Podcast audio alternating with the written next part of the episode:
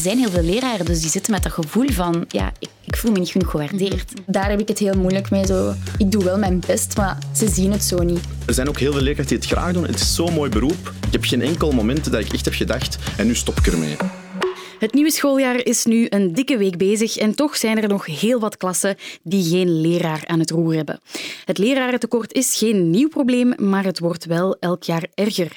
Hoe komt het dat er duizenden jobs niet ingevuld raken? En hoe maak je het lerarenberoep weer aantrekkelijk? Rond mij aan tafel zitten drie leraren. Alle drie even gepassioneerd, maar alle drie met een heel ander verhaal. Dries Boudewijns, Linde Petter en Ama Amitai. Hallo. Welkom, Dries. Hallo. Vertel eens, wie ben jij? Waarom zit jij hier? Ja, ik ben dus Dries, ik ben 23 en ik geef Nederlandse geschiedenis op het KNMC Groenendaal College te Merksem. En ik ben hier omdat ik een heel gedreven leraar ben en heel enthousiast ben over het onderwijs en niet begrijp waarom mensen het niet doen of weggaan uit het onderwijs. Oké, wat een intro. Lien, jouw beurt. Ja, nu is het mijn beurt. Het is moeilijk om nu te beginnen. Ik ben eh, Lien. Ik geef les in het ateneum in Vilvoorde. Ik ben 24 jaar oud. Ik geef Nederlands en eh, in het tweede jaar en Nederlands in het derde jaar. En ik zit hier ook omdat ik sowieso ook wel gedreven ben en enthousiast ben, maar toch in het onderwijs ook wel al wat moeilijkheden heb ervaren en dus soms wel begrijp waarom mensen zo snel uit het onderwijs stappen. Eh, dus daarom zit ik hier eigenlijk vandaag. En even voor de ongetrainde oren, wat is fix? Fix is een vak met financiële geletterdheid, als ook een beetje maatschappelijke vorming eigenlijk. Een soort van nieuwe economie. Ja, zo kan je het wel beschrijven. De, de afkorting staat voor Financieel Ik en Samenleving. Oké, bestond nog niet toen ik nog op de school, Nee, achter de schoolbanken zat. Dus eh, voilà, even voor de duidelijkheid. En dan hebben we Ama. Hi. Hallo, eh, ik ben Ama. Eh, ik zit hier vandaag omdat ik, vooral denk ik, eh, omdat ik onderzoek heb gedaan naar het welbevinden van leraren en ook waarom leraren eigenlijk stoppen.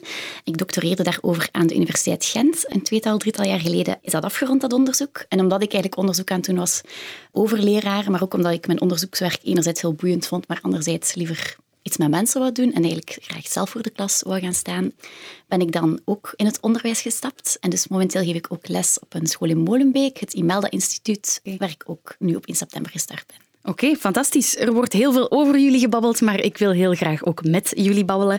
Vandaag gaan we kijken of eh, de clichés over het onderwijs kloppen, wat er beter kan en waarom mensen, eh, ondanks alle negatieve aandacht, toch nog in het onderwijs stappen. Ik ben Aurélie en je luistert naar een nieuwe aflevering van Snapt je mij nu?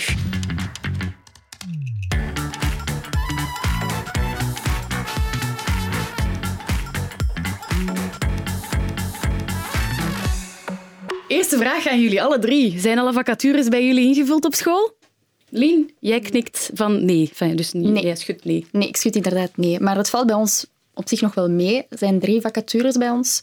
Wij zoeken nog een islamleerkracht, een niet-confessionele zedeleerkracht. We zoeken dan nog iemand voor BOMT, dat is de basisoptie moderne talen. En daar zit dan nog een beetje Tools for Life bij, dat is zo'n beetje een klasuur. Dus eh, nog drie vacatures eigenlijk. Maar nog nooit gehoord van al die lessen. Wow, oké. Hoe zit dat bij jullie? Bij ons is het prima, alleen wij kijken per graad, want wij hebben een directie per graad en we hebben een gebouw per graad. En in graad 2, ik moet mijn directie daar heel dankbaar voor zijn, hebben wij nog maar twee openstaande uren godsdienst. En voor de rest is alles opgevuld. Tot op de dag van vandaag, als er geen mensen stoppen of wegvallen natuurlijk. Dat klinkt zoals een hele overwinning, terwijl er is nog steeds een gat. Dus Een, gat van twee raar. uur, maar maar twee uur is wel echt heel weinig tegenover vorig jaar. Vorig jaar hadden wij geen Frans, geen wiskunde in bepaalde jaren, dus dan is twee uur godsdienst echt heel fijn om in te werken. Ja. Ik moet geen studie meer geven aan andere klassen die openstaande uren hebben. Heb je dat veel moeten doen de andere jaren? Vorig jaar zeer veel. Ja, dat was eigenlijk standaard. Elk wachtuur was een klas die geen leerkracht Frans of wiskunde had. Oh my god, oké. En jij, Ama, jij geeft ook les in Molenbeek. Zijn Ja. ze daar allemaal ingevuld? Ik heb het gisteren nog eens gevraagd aan de directeur. Er is nog één vacature nu openstaand voor Nederlands in de eerste graad. En voor de rest zijn er ook wel vooral eh, vervangingen die moeten gezocht worden. Dus mensen die op ouderschapsverlof gaan. Eh, dus daar moet de directeur nu vooral ook op zoek gaan naar drie mensen. Die vervangingen gaan we straks op terugkomen, maar ik ga beginnen met een lekker cliché. Leerkrachten hebben te veel vakantie. Hoe vaak moeten jullie dat nog horen? Heel vaak. Veel te vaak. Veel te vaak. Ja, En dat klopt niet. Ik vind van niet. Nee, wij zeggen altijd, we nemen onze overuren op in de vakantie. Want je hebt... Klopt het dat jullie 70 dagen vakantie hebben per jaar? Ja, ik heb ze nog nooit geteld eigenlijk. Jawel, daarom dat ik het zeg. Dus dat, Dat kan, ja. gewone weken. schoolvakanties? Ja, het zou zeker kunnen. Ja. Heerlijk Dat, toch? dat klinkt Heerlijk, toch ja. veel tegenover een gemiddelde mens die Dat- denk 25, ja, 28 is dagen ook zeker veel. Zeker wel. Er zijn openstaande vacatures. Ja, ik zou zeggen, kom erbij als je vakantie wil. Graag Maar, zelfs. maar als je het alleen doet voor de vakantie, dan vrees ik dat je het niet lang gaat volhouden. Wat je ook vaak hoort is dat eh, leerkrachten dan in de vakanties hun lessen voorbereiden, het nieuwe academiejaar voorbereiden. Oei, nee, hij klinkt... Hij klinkt eh, In de zomervakantie heb ik dat niet gedaan, want ik wist mijn opdracht pas eh, twee dagen voor 1 september. Dus ik wist pas twee dagen voor 1 september Maar wat ik zo zou laat. geven. Dus in de zomervakantie kon ik niks voorbereiden. In de herfstvakantie pak ik mijn eerste rust. Ja. En dan in de kerstvakantie probeer ik toch af en toe een beetje voor te bereiden. Oké, dus sommige vakanties worden daar toch voor Ja, ja, eh, ja zeker, zeker. offerd. Jij knikte wel ja. Ja, ik probeer toch wel heel veel voor te bereiden in de vakantie. Maar ik ben daar ook wel een beetje van aan het afstappen, omdat ik, er was een tijd dat ik echt ja, elke dag van de vakantie dan dingen probeerde voor te bereiden. Omdat ik dacht, ja, wat klaar is, is klaar. Maar je moet die momenten eigenlijk ook wel echt gebruiken als rustmomenten, want doorheen het jaar is het heel druk. Er komt heel veel extra op je bordje erbij kijken. Maar ik heb eigenlijk vooral in juli heb ik toch wel de cursus aangepast, gemoderniseerd met de nieuwe eindtermen weer. Dus dat zijn toch dingen die ik in de vakanties eigenlijk eh, doe. Ama, hoe zit dat bij jou? Heb jij dan ook schoolvakanties? Of, eh? Ja, ik ga wel akkoord dat dat een periode is waar ik probeer enerzijds te rusten en anderzijds ook wel wat voor te bereiden en zo aan projecten werken en zo. Die dingen die soms doorheen de rush van het dagelijkse schooljaar een beetje achteruitgeschoven worden, die iets meer tijd vragen. Dus ja, die beide dingen toch wel. Ja. Ja, al die extra ehm, jobs, al dat extra werk dat erbij komt kijken, zoals jullie vermelden. Je zou wel kunnen zeggen, en dat is ook een reactie die ik eh, op Facebook heb gelezen, dat dat extra werk er wel voor zorgt dat jullie een fulltime hebben. En ik ga even een eh, reactie laten horen die ik heb gelezen op Facebook. Dit zegt Anke. Ik heb ongelooflijk veel respect voor de leerkrachten die in het onderwijs staan bij de jeugd van tegenwoordig, maar we gaan even logisch redeneren.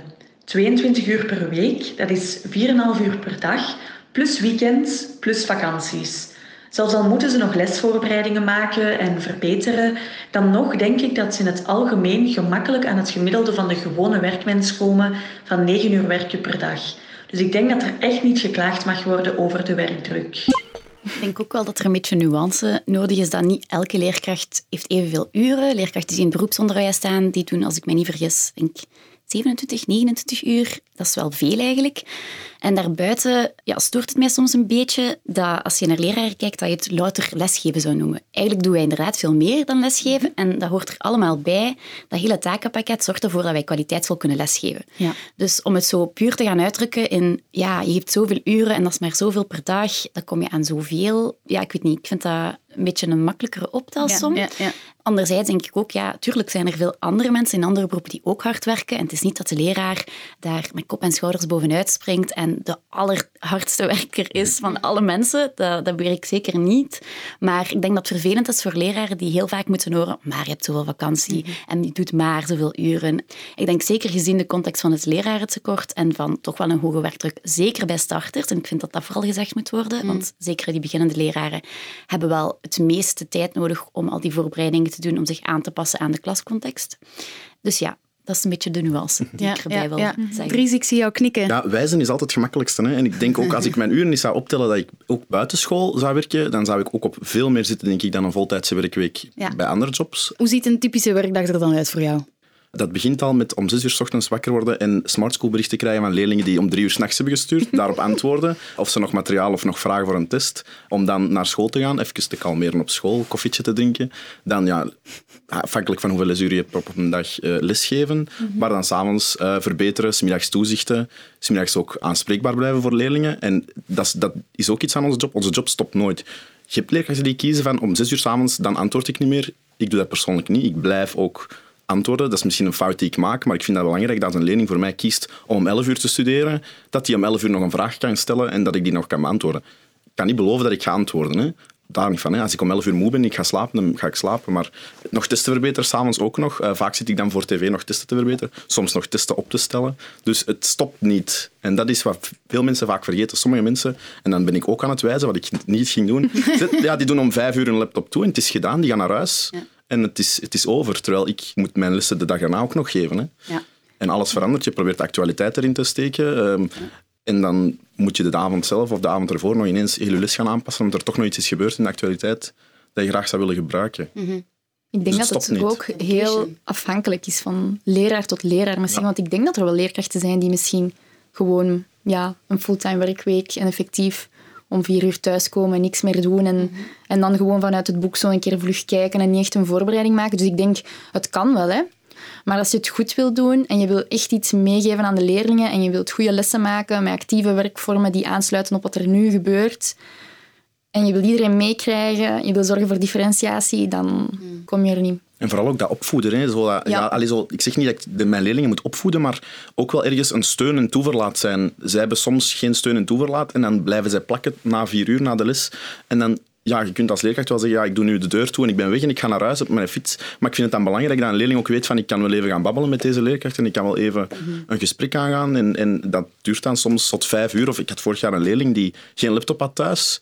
En dan maakte hij zijn taken bij mij het achtste lesuur. Allee, ik gaf geen les, maar ik bleef gewoon in het lokaal. Ik bereid mijn lessen voor. Terwijl die leerling dan op de computer van de school zijn taken nog maakt voor de dag erna. En dat zijn dingen die je ook moet doen. En dat zijn, daar zit het verschil tussen inderdaad de leerkrachten die gewoon stoppen om vier uur en naar huis gaan en de vakantie opstrijken, tegenover de leerkrachten die echt iets willen veranderen ook, denk ik.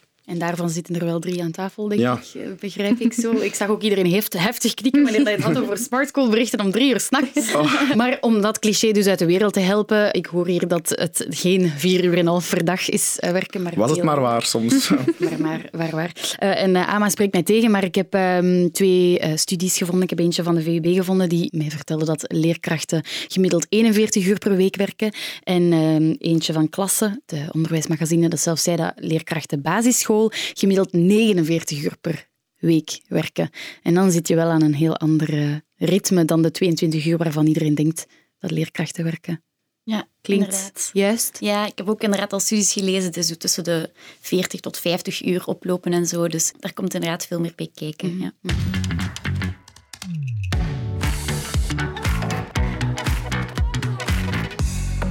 Dan eh, wil ik even met jouw verhaal beginnen, Lien. Ja. Wat is jouw verhaal? Waarom ben jij leerkracht geworden? Ik wil eigenlijk al leerkracht worden van kleins af aan. En dus het was eigenlijk voor mij wel een droom. Ik speelde altijd schooltje. Iedereen dat bij mij thuis over de vloer kwam, die moest eraan geloven, want ik wou altijd de leerkracht zijn. En Zo iemand. Ja, zo iemand. Zo heel bazig zo. Dus ik denk eigenlijk wel dat het iets is dat in mij zit en dat dat echt wel mijn droom is. En toen ik dan begonnen ben, ja, dan was het toch niet helemaal wat ik ervan verwacht had. Nee, waarom niet? Ja, er kwam veel meer bij kijken dan, dan gedacht. En er kwam veel meer op mijn, mijn bordje. En ik ben zelf misschien ook niet zo stressbestendig. Dus ik ben heel snel een beetje overprikkeld. En ik wil het wel heel goed doen. En ja, er zijn maar zoveel uren in een dag. Ja. Vorig jaar had ik dan een zware opdracht waarbij ik vijf vakken moest geven, waarvan er toch een viertal nieuwe. En dan voelde ik al heel snel dat ik er... Ja, ik ging er echt onderdoor. Ik, mijn zaterdag en zondag, dat was om 9 uur opstaan, om 9 uur 30 beginnen en tot 6 uur, 6 uur 30, 7 uur voorbereidingen maken. Want ja, ik moest nieuwe cursus maken. Ik moest al die blaadjes zelf nog voorbereiden. Ik moest dan nog in lessen gieten. Ik moest daar nog leuke dingen mee doen. Zoiets interactief, want ja, ik kan het niet gewoon voorlezen. Hè, dus er moest nog iets leuks mee gebeuren. En dan, ja, dan voelde ik dat ik mezelf helemaal aan het verliezen was. Vooral het voorbereiden van de lessen was heel zwaar. En dan gecombineerd met toch ja, ook wel pittige klassen, waar het niet altijd even goed liep. Het liep echt niet van een leien dakje. En dan neem je toch ook wel een beetje mee naar huis. Als het zo heel slecht is gegaan in les. En ja, ik wil ook helemaal niet die leerkracht zijn die zo super vervelend is en slechtgezind. Maar ja, van op, een, allee, op een bepaald moment zit je zo op je limiet. En dan voelt je ook dat je niks meer kan verdragen eigenlijk. Wat is een pittige klas? Dat viel dan misschien op zich nog wel mee, vergelijken met wat anderen meemaken. Want dat is een klas die alles in vraag stelt, constant eh, in discussie gaat over alles, waar je alles telkens weer moet verantwoorden. En zo van die opmerkingen van, als ik bijvoorbeeld vraag om iets op een extra blaadje te noteren, mevrouw, je had daar nu toch zelf een blad voor kunnen maken voor ons. Zo, dat gebrek aan respect, zo mij altijd ja, niet gewoon, gewoon kunnen gaan. Zo. Constant gestoord worden en elke keer jezelf weer moeten opladen. En dat is ook het ding, vind ik, aan leraar zijn. Ehm, als je zo een, een, bureaujob hebt en je hebt een slechte dag, dan kan je, weet je, ja, je verstopt je een beetje achter je bureau en je doet een beetje ander werk en je doet het een beetje rustiger aan en je gaat eens vaker een koffie halen en je praat wat meer met je collega's en kun je zo wat verstoppen, denk ik. Of zo zie ik dat voor mij. Maar in het onderwijs is dat niet zo. Je kunt niet een beetje meer praten met je collega's of eens een extra koffietje gaan halen of je hart is meer luchten. Die uren zijn wat dat ze zijn en je moet daar elk uur staan en dat is een beetje perf- een performance dat je moet geven. En ja, het tonen dat je het moeilijk hebt, is soms ook gevaarlijk, want ze zien dat en ze maken er soms misbruik van, zeker niet allemaal. Maar dus je moet daar wel staan en je moet wel tonen van ik weet waarmee ik bezig ben en ik zal het hier een keer doen. En als je dan voelt dat je op je limiet zit, ja, dan lukt dat gewoon niet en dan ben je eigenlijk ook gewoon geen goede leerkracht meer. Amai, Ja, dus klinkt heftig. ja, dat was een pittige periode. En heb je dan ook overwogen om er echt totaal mee te stoppen? Ja, Maar hier zit je dan. Maar hier zit ik dan inderdaad. Ja, nee, uiteindelijk ben ik gewoon hulp gaan zoeken en ben ik in eh, loopbaanbegeleiding gegaan. En daar kwam uit dat ik eigenlijk doe wat ik moet doen, dat dit het beste bij mij past en dat dit past bij mijn sterktes. En dus dat ik wel ja, de juiste weg heb gekozen, maar dat ik voor mezelf wel ja, meer moet grenzen bewaken. Als ik het, het verhaal hoor van Dries over de mailtjes, ja, dat doe ik dus vanaf dit jaar niet meer. Dus er staat echt ook in mijn afspraken dat ik niet meer antwoord Ja. vanaf een bepaald uur. Omdat ja, zo de reacties van mevrouw, ik heb u wel een mail gestuurd gisteravond en u antwoordt er niet eens op. Zo, daar heb ik het heel moeilijk mee. Zo, Ja. ja. zo die onrechtvaardigheid van ik doe wel mijn best, maar ze zien het zo niet.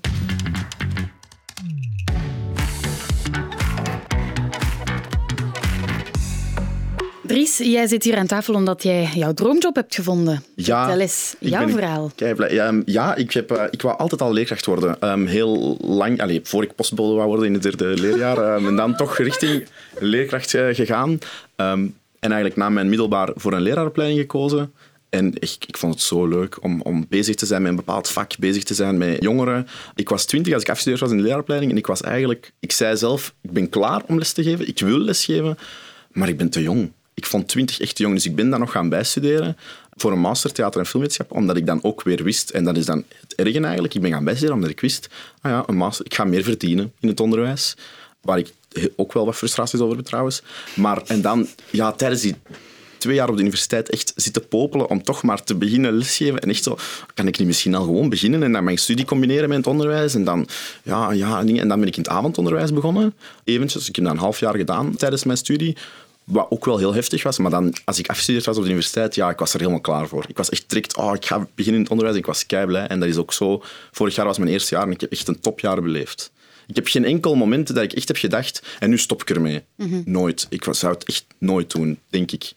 We zeggen, hè, de leerkrachten stoppen na vijf jaar, dus ik moet nog zien over drie jaar. Maar momenteel zou ik echt nooit stoppen. Echt absoluut niet. Heel mooi om te horen. Dries, jij hebt me ook zelf een bericht gestuurd. Dat eh, klopt, op dat klopt. Omdat je vond dat het eh, heel belangrijk was dat er een positief verhaal Ja, ik denk dat een van de grootste problemen binnen het leraartekort het blijvende het mediaprobleem is van wij komen altijd negatief in de media. En dat is zo frustrerend, om, dat, is ook, dat hoor je ook in de koffie, al in de leraarskamer tegenwoordig, van ja, mensen blijven van oh, we komen weer negatief in de media. En daarom dat ik een berichtje had gestuurd van probeer ook toch minstens één enthousiaste leerkracht die toch ook een beetje tegenwicht kan geven van er zijn ook heel veel leerkrachten die het graag doen. Het is zo'n mooi beroep, want als we altijd negatief in de media gaan komen, ja, waarom zou je daar nog voor kiezen om dat beroep te gaan doen als het altijd maar negatief is? Ja, ik zou een duur ook denken van oei, maar schrik. Oh. Dat is ook wel fijn aan de starters nu. De starters die nu starten, zijn allemaal mensen die ondanks alle negatieve media toch kiezen voor het onderwijs. En daar ben ik echt twee polletjes kussen dat die mensen allemaal starten. Ik ben echt ook zo trots dat die hun eerste week al hebben overleefd. Ik ben echt zo, ja. En ja, ik vind dat echt heel fijn om leerkracht te zijn. En daarom ook wel wat tegenwicht te zijn in het Ja. negatieve debat dat aan het heersen is op de media nu. Ja, en er zitten nu drie enthousiaste leer- leerkrachten aan tafel, dus eh, tegenwicht genoeg. Het beroep komt vaak eh, negatief in beeld, dat is waar. Eh, vroeger werden leerkrachten ook meer gerespecteerd, heb ik mij laten vertellen door mijn collega en ehm, expert onderwijs Brigitte Vermeers.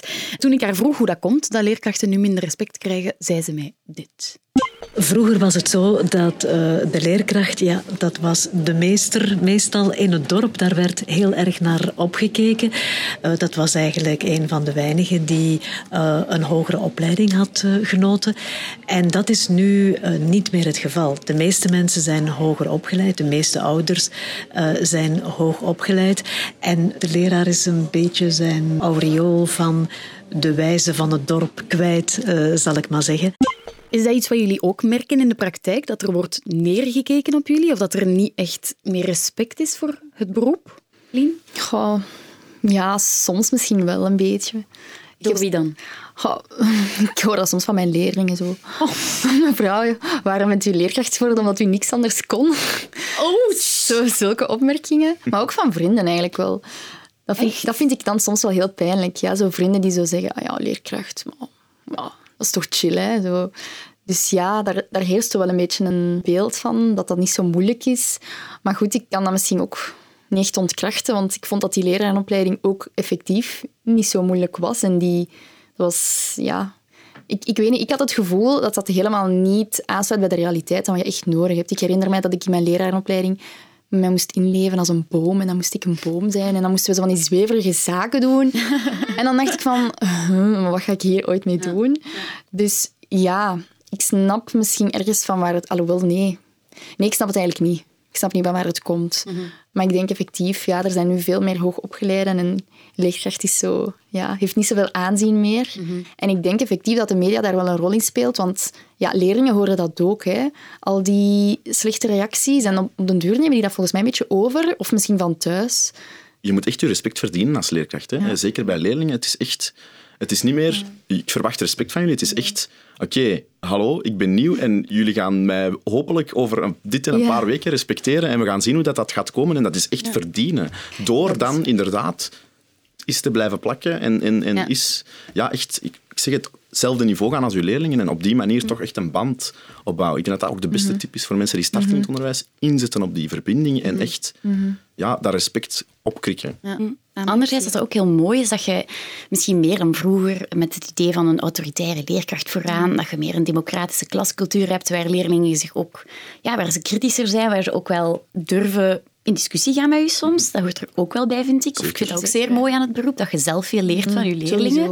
Misschien leren wij als leerkrachten nu meer bij van onze leerlingen dan, ik weet niet, 30 jaar geleden of zo.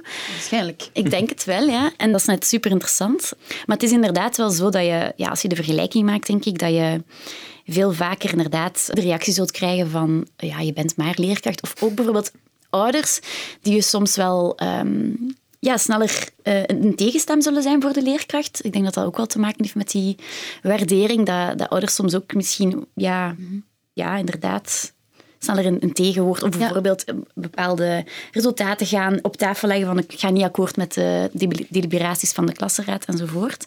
Maar ja, bijvoorbeeld een studie, en dat vind ik op zich wel opmerkelijk, eh, een TALI-studie, dat is een Europese studie naar leraren, die wijst uit dat Vlaamse leraren in 2013, eigenlijk is er maar 25% die toen zei van ja, ik voel me eigenlijk niet gewaardeerd. En in 2018 is er 45%, dus 20% meer op vijf jaar tijd, die eigenlijk zegt ik voel me niet gewaardeerd. Dus dat is wel echt een opvallende stijging. Allee, en er zijn heel veel leraren, dus die zitten met dat gevoel van ja, ik, ik voel me niet genoeg gewaardeerd.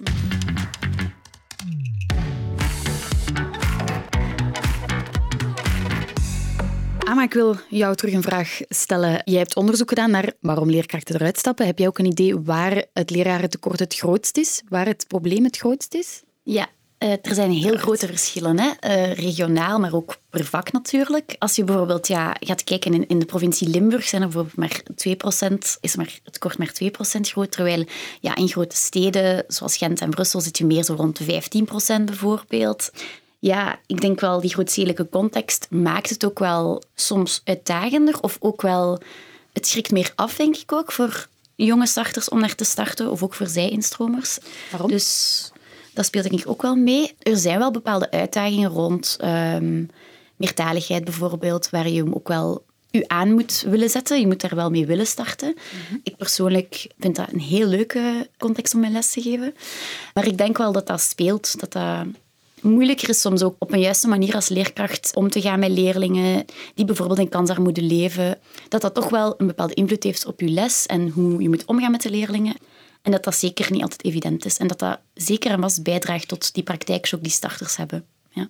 En daar, waar de leerlingen het eigenlijk het meest nodig hebben, is er een groter lerarentekort. Ja, klopt. Ik denk dat dat ook wel een van de voornaamste redenen ja, dat er ermee toe geleid heeft om ook wel te willen lesgeven in Brussel. Omdat ik zelf ook onderzoek deed naar het lerarentekort en waar zit dat vooral gesitueerd.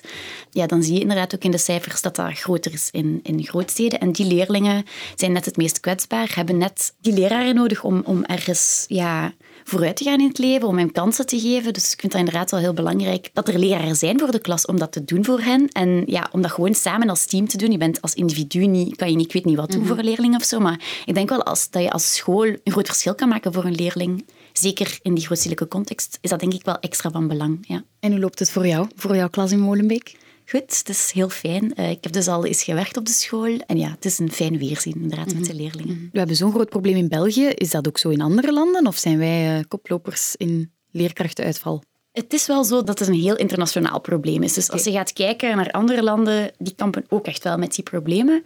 Er zijn zowel twee voorbeelden waar dat, dat anders ligt. En dat is vooral in Singapore en Finland, als ik me niet vergis. En verklaringen daar zijn waarom dat, dat beter is, is vooral wel een beetje te vinden in die waardering van die leerkracht eigenlijk. Leraren hebben ook vaak een, moeten allemaal een masterdiploma hebben, denk ik. En ja, dat is eigenlijk ook vrij competitief. Je moet echt wel binnengeraken in die opleiding. Echt heel veel mensen willen leraar worden. Ze verdienen daar ook wel meer, denk ik. Dus, Dus daar zijn ehm, ingangsexamens waar je moet binnengeraken? Ja. Dus dat verhoogt automatisch het aanzien dan? Of... Ik denk niet dat dat automatisch het aanzien zou veranderen. Eigenlijk. Ik denk niet dat dat voor onze... Allez, voor in, in Vlaanderen een oplossing zou zijn, eigenlijk wel. Maar ja, er is wel iets aan de hand met die waardering, denk ik. Ja. Er wordt vaak gezegd dat om het lerarentekort tegen te gaan, is er een easy fix. Geef ze meer geld. Wat vinden jullie daarvan? Lien? Goh, ik vind wel dat ik goed verdien eigenlijk. Dus op zich, allee, dat mag hè, maar het hoeft niet noodzakelijk. Maar ik denk dat er misschien andere zaken zijn, want ik las onlangs iets in de media over zo'n proefproject waarbij eh, studenten uit de lerarenopleiding dat die mee het verbeterwerk opvingen van leerkrachten. En dan denk ik, ja, dat lijkt mij nu wel iets, zo een beetje hulp krijgen. Oei, ik zie Dries zo hevig neeschudden. Maar mm, ja, ik haat verbeteren. Echt. Ik vind dat verschrikkelijk. Dus oh, ik zou dat zalig vinden als ik daarbij geholpen zou worden. Dries is geschoffeerd. Ah. Hou van verbeteren. Echt? Oh nee, ik vind dat Voortgang zien. verschrikkelijk. Oh, Ah, heerlijk. dat is het Zien waar de soms- problemen Ik zie zitten. soms geen voortgang. Sorry dat ik dat zo zeg, maar... Oh, ja. Maar misschien andere Ze administratieve mogen wel dingen. ons toezicht te komen doen. Ja, ah, de dat wachturen, de, op de speelplaats staan, Ja. dat geef ik gerust af aan iemand En anders. dus Ja, Dat zit er ook nog tussen. Ja, ja. Ja. natuurlijk. Wij hebben, denk ik, twaalf kwartieren dat wij op onze school wacht en toezicht moeten doen. Dus dat is nog eens extra drie uur. Ja, dat is wel veel. Ja. Maar ook meer betaald. Ik denk absoluut niet dat dat gaat helpen. Ehm, ik, ik zeg altijd, het- is welkom. Hè. Eh, minder, Echt? hoeft, minder hoeft ook zeker niet. Maar zoals ik daar juist ook zei, het feit dat ik evenveel doe in de tweede graad als mijn collega Nederlands, maar mijn collega Nederlands heeft een bachelor, ik heb een master en ik verdien toch per maand 300, 400 euro meer, vind ik wel echt verschrikkelijk. Dan zou ik liever hebben dat ze mijn collega evenveel betalen als mij. Ja, dus momen- momenteel worden leerkrachten echt betaald naar hun diploma. Ja, naar hun Dus papiertje. Jij hebt een, naar hun papiertje. Ja. Ja, en toch een beetje werken. Ja, ja, ja. tuurlijk, tuurlijk. Maar dat is wel eh, ja, iemand met een, een, een master die vanaf derde jaar Ja. wordt eh, aan een masterdiploma betaald. En eh, iemand met een bachelor van de leraaropleiding mag ook in 3 en 4 staan, maar wordt gewoon aan zijn bachelor betaald. Als ik in de B-stroom sta, intern in het vierde jaar, dan word ik aan mijn bachelor betaald en ik heb een master. Dus er is zoveel verschil ook nog binnen die lonen, Ja. dat ik zou zeggen, trek dat gewoon al eens gelijk, dat iemand die een leraaropleiding doet, al evenveel motivatie heeft om te direct te starten in plaats van nog eerst te gaan bijstuderen, want dan krijg je meer betaald. Even verduidelijking voor de mensen die ehm, ouder zijn dan, dan, dan ik en die niet weten wat een B-stroom is. Dat is als je jou... Je hebt een A-stroom en een B-stroom nu. Ja. En de A-stroom is als je... Als je een getuigschrift lager onderwijs hebt, dan Ja. ga je automatisch naar de A-stroom. Heb je geen getuigschrift lager onderwijs, dan start je in de B-stroom. Ja, oké. Even ter verduidelijking. Ja, dat klopt. En wie zit er in die B-stroom? Eh, Leerlingen die later klantendienst gaan doen, bijvoorbeeld, of in magazijnen gaan werken, die zitten bij ons. Ja. Die komen daar ook wel geleidelijk aan in. Hè. Als je in de A-stroom consequent geen goede cijfers haalt, ja, dan kom je ook automatisch in de B-stroom terecht, via deliberaties en dergelijke. Dat is nog altijd een beetje dat watervalsysteem dat ook in het vorige systeem nog altijd zat. Maar dat zijn ook superfijne leerlingen die eigenlijk evenveel aandacht verdienen van andere leerkrachten, maar die dan geen masterleerkrachten zouden kunnen krijgen of geen professioneel opgeleide leerkrachten kunnen krijgen, want die worden niet betaald naar hun master als ze in de B-stroom staan. Vorig jaar heb ik een paar uur in de B-stroom gedaan en dan werden die uren werden betaald naar mijn bachelor in Ja. plaats van mijn master. Ja, ik vind- dat is inderdaad ook wel een groot probleem. Daarmee zeg je eigenlijk tegen leerlingen die eh, ja, een meer beroepsgeoriënteerde richting kiezen, van ja, jullie kunnen eigenlijk niet een leerkracht hebben die op masterniveau een opleiding heeft gehad. Of, allee, of dan moet je eigenlijk al gaan inboeten qua loon als jij als eh, leraar met een master in de B-stroom inderdaad start. Wat dat heel jammer is, want ik ken heel gemotiveerde leraren die een master hebben en die heel graag in de B-stroom willen lesgeven. Want het is ook wel zo, ik ken veel leraren die echt willen met die leerlingen werken, omdat dat leerlingen zijn die soms ook wel een stuk directer zijn. Je kan veel meer praktijk met hen doen. De ervaring is ook anders, het zijn kleinere klassen, dus het is ook wel anders dan ja, in de dubbele finaliteit bijvoorbeeld, waar dat ik dan in sta. Het vroegere TSO, om het zo te zeggen, of, of in de A-stroom. Dus dat is jammer dat dat puur door die verloning eigenlijk al... Uh, dat er bepaalde drempels zijn. Ja. Om daar niet te gaan staan. Ja. Hoeveel verdient een leerkracht zoal in Vlaanderen? Ik ga het uit beleefdheid vragen, maar ik heb de cijfers voor Ik weet alleen wat op mijn bankrekening komt. Ik wil dat gerust zeggen hoor, maar uh, ik kan het opzoeken. Hè. Barema 301 voor een bachelor en Barema 501 voor een master. Het hangt natuurlijk ook heel veel af van hoeveel jaar heb je al lesgegeven, van je anciëniteit en inderdaad dus van je diploma. Dus er zit wel wat speling op natuurlijk. Hè. Ja, een leerkracht die 20 jaar les geeft, dat gaat al meer naar de 2700 of zo netto, dacht ik. Terwijl ja, iemand die vier, vijf jaar les geeft, dat gaat meer rond de 2000, afhankelijk ook opnieuw van je diploma, meer rond begin 2000, 2100, 200. Dat ga je er zo'n cijfers, denk ik. Ja.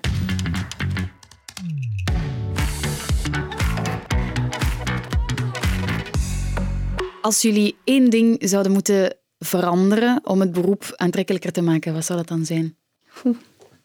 Hmm.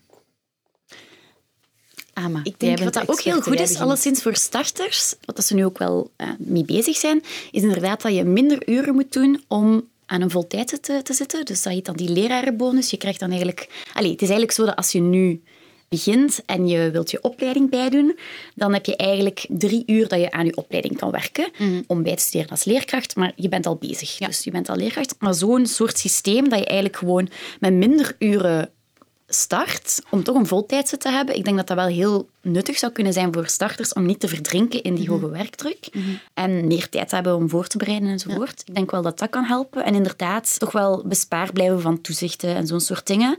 En ja, een tof team op school. Ik denk wel dat dat echt dag en nacht verschil kan maken om mhm. aan te blijven, zeker als starter. En dan, we denken soms enkel starters stoppen nu. Dat is wel grotendeels zo, maar we zien ook dat veel meer bij starters, dus daar, in 2018 uh, stopt 44% binnen de vijf jaar. Dat is bij starters inderdaad. Bijna de helft van de leerkrachten stopt dus binnen de eerste vijf gigantisch, jaar. Gigantisch, ja. En dan zien we zijn ook, jullie, hè? en dan zien we dus ook bijvoorbeeld uh, bij leraren met een vaste benoeming. Mijn onderzoek wees alleszins uit voor leerkrachten die al wat ouder waren, dat zij heel vaak stopten door een beetje gebrek aan uitdaging, die vlakke loopbaan. Het feit dat je na zoveel jaren eigenlijk heel vaak dezelfde lessen geeft. Het een beetje beu zijn eigenlijk, denk ik. En daar denk ik dat er wel veel winst ligt te boeken, omdat die leerkrachten hebben we eigenlijk echt nodig om jongere starters eigenlijk te coachen, ja, echt meer mentor te zijn. Of alleszins, daar zitten we zo met alleen raar tegengewicht van die ouderen vinden het eigenlijk een beetje te saai of niet uitdagend genoeg en die jongeren vinden het super uitdagend. Dus ik denk dat we echt wel veel kunnen doen om elkaar te versterken in team. Ik denk voor elke leerkracht, kerstverse leerkracht die uit de leraaropleiding komt, is die praktijkshock verschrikkelijk. Ook voor mij. Ik vond dat echt heel heftig. En daar moeten ze mee werken. Ik denk bijvoorbeeld een van de oplossingen zou kunnen zijn een vierde jaar betaalde stage, waar je nog begeleiding krijgt vanuit de leraaropleiding bijvoorbeeld. Waar wel allemaal mensen staan die de moed hebben om u te eh, begeleiden en dergelijke. Maar ik denk dat die praktijkshock, die jij zeker ook hebt ervaren, mhm. die ik ook heb ervaren, die jij waarschijnlijk ook ervaart, die is verschrikkelijk. Ik herinner me ook die eerste stage zo vier uur lesgeven. En ja, bijvoorbeeld, ik weet niet, dat zal ook een beetje afhangen van leraaropleiding tot leraaropleiding, maar bij ons bij Nederlands, uh, in het eerste en tweede jaar moesten onze lesvoorbereidingen zodanig uitgebreid zijn dat één les kon bijvoorbeeld 20 bladzijden zijn. Maar ik had graag ook geleerd van uh, hoe kan ik een les zo efficiënt mogelijk voor, voorbereiden. Als ik er zo'n 22 of 24 moet geven, hoe doe ik dat dan? Ja. Ik denk ook wel... Ik denk dat dat ook heel belangrijk is om te proeven van hoe gaat het op één school, op andere school, ook inderdaad in verschillende richtingen voor verschillende leerlingen. Want op voorhand weet je soms niet hoe ben ik als leraar, wil ik graag in de A-stroom staan, wil ik misschien liever met beroepsleerlingen omgaan. Dus dat je wel echt genoeg kan proeven van die mhm. ervaring, ik denk dat dat heel belangrijk is.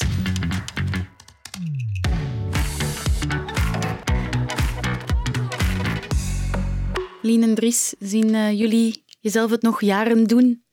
Momenteel nog wel. Ik kijk echt al elk jaar opnieuw uit naar 1 september. En heel die zomervakantie was ik echt aan het wachten op 1 september. Wauw, ja, ik voel mij echt de slechte leerling van de klas. Nee, tuurlijk niet. Nee, nee, maar ik moet zeggen dat ik er dit jaar wel veel meer naar uitkeek. Omdat ik wist dat ik een ja. lichtere opdracht had. Dus ik moet zeggen dat ik ook wel enthousiast ben gestart. En ik heb tot nu toe hele leuke klassen ontmoet. Ja. Dus, en het, het is wel een superboeiende job. Geen enkele dag is hetzelfde. Het is zo gevarieerd. En ja, ik zit ook in een super warme school met een superleuk team waar ik echt graag naartoe ga en graag ben. Dus, en onder collega's wordt er ook veel gedaan. Ik vind, dat maakt voor mij ook het verschil zo. die sfeer onder collega's. Dus ik zie het mij zeker wel nog, nog lang doen. Ik weet niet tot mijn 65 of zo. Want ik denk, het is wel zoiets, je moet zo blijven verbinding kunnen maken met die jongeren. En ja, ik ben nu nog kei jong, maar ik voel al dat ik zo precies niet altijd meer mee ben met alles. Dus ik denk dat je wel zelf zo'n beetje ook de interesse moet blijven ja. aanwakkeren om toch mee te zijn met al die eh, nieuwe, hippe dingen. En anders kan je jongere leerkrachten coachen. Hè? Oké, dan gaan we hier eindigen op een toch positieve noot. Ik wou toch nog even meegeven dat er uh, licht op het einde van de tunnel is, want sinds dit jaar zijn er eindelijk meer inschrijvingen in de lerarenopleiding. Ja. Uh, ik heb mezelf laten vertellen dat aan de Hogeschool UCLL een kwart meer inschrijvingen zijn. gaat blijkbaar het lerarentekort nog niet oplossen, maar dat is toch een gigantisch goede stap ja. in de juiste richting. Ja. Ik hoop dat we vandaag toch een paar jonge leerkrachten hebben kunnen inspireren en een paar clichés clichés uit de wereld hebben geholpen. Ik wil jullie alvast heel erg bedanken om hier uh, met mij aan tafel te komen zitten. Merci Dries, Lien en Ama. En merci aan jou om te luisteren. Tot binnen twee weken. Waar probeer jij jouw vrienden van te overtuigen? Waar lig jij s'nachts van wakker? Stuur me al jouw ideeën door via de Instagram-pagina van VRT Nieuws of stuur me een berichtje op Twitter via Aurélie-Boffé. En misschien ben jij wel te gast in mijn volgende aflevering.